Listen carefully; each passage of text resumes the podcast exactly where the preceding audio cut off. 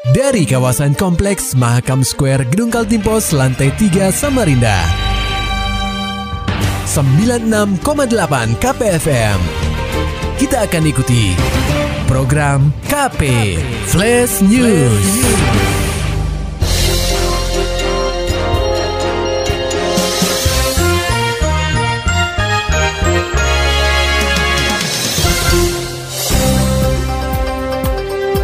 Anda sedang menyimak program KP Flash News bersama saya Agung Pratama.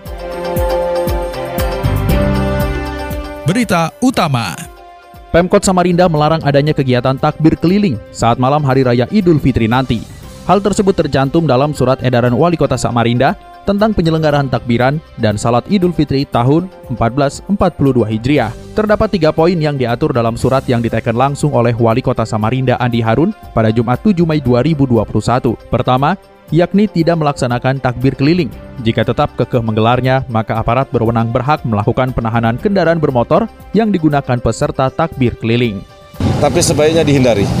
Dihindari karena itu berpotensi memicu mengundang jamaah lain untuk ikut dan pada saat jamaah lain ikut eh, bisa menimbulkan kerumunan baru yang juga berpotensi menjadi klaster baru di COVID. Jadi jangan lagi ada istilah klaster takbiran.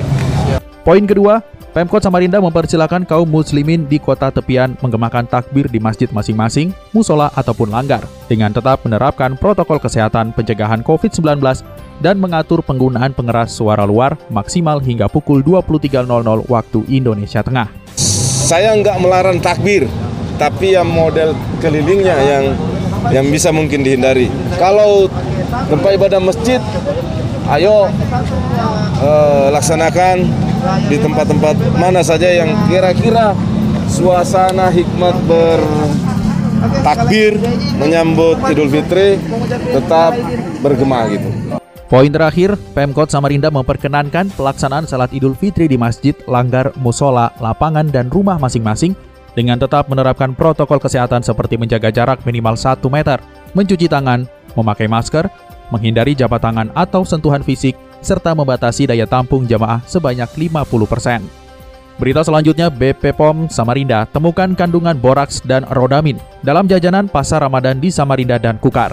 Laporan selengkapnya akan disampaikan reporter KPFM Samarinda, Muhammad Nur Fajar. Balai Besar Pengawasan Obat dan Makanan atau BBPOM Samarinda telah melakukan intensifikasi untuk mengawasi peredaran bahan makanan saat Ramadan dan menjelang Idul Fitri. Setelah beberapa hari melakukan intensifikasi bersama instansi terkait, BBPOM Samarinda langsung menyampaikan hasilnya dalam konferensi pers yang digelar di Aula BBPOM Samarinda pada Senin 10 Mei 2021.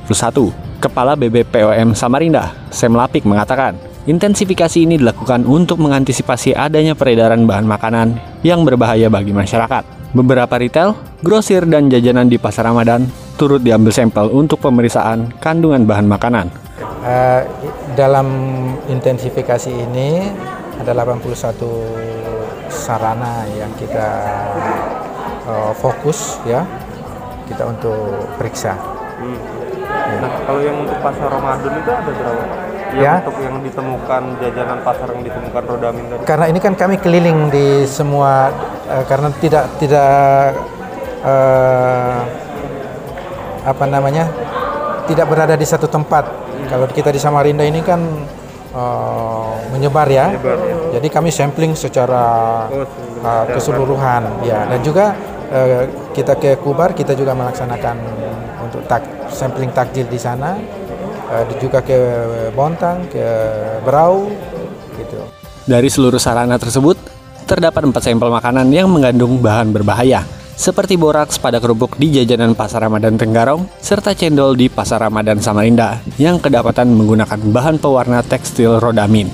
Sam Lapik menjelaskan, kerupuk yang mengandung borak tersebut diketahui bukan olahan dari kaltium. Berbeda halnya dengan olahan cendol yang mengandung rodamin di kota tepian.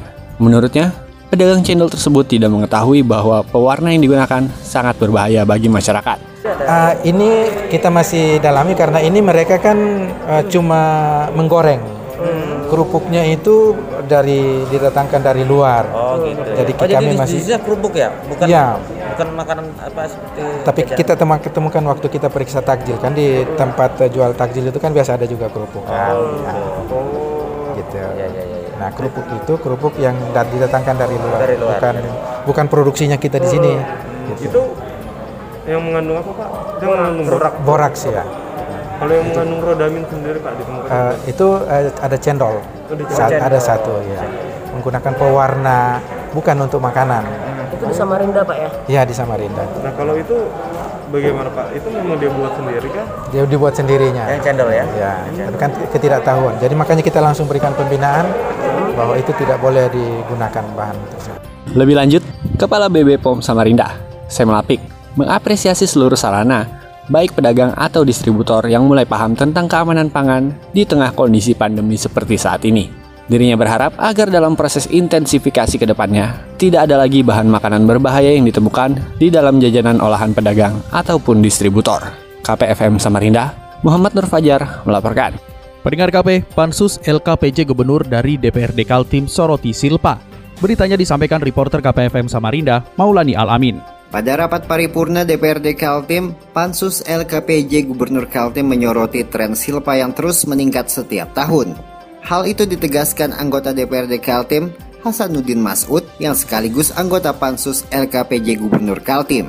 Hasan Masud menjelaskan, tren silpa menanjak terjadi sejak 2020 kemarin. Bahkan pada tahun lalu, silpa di Kaltim menyentuh angka 2,95 triliun rupiah.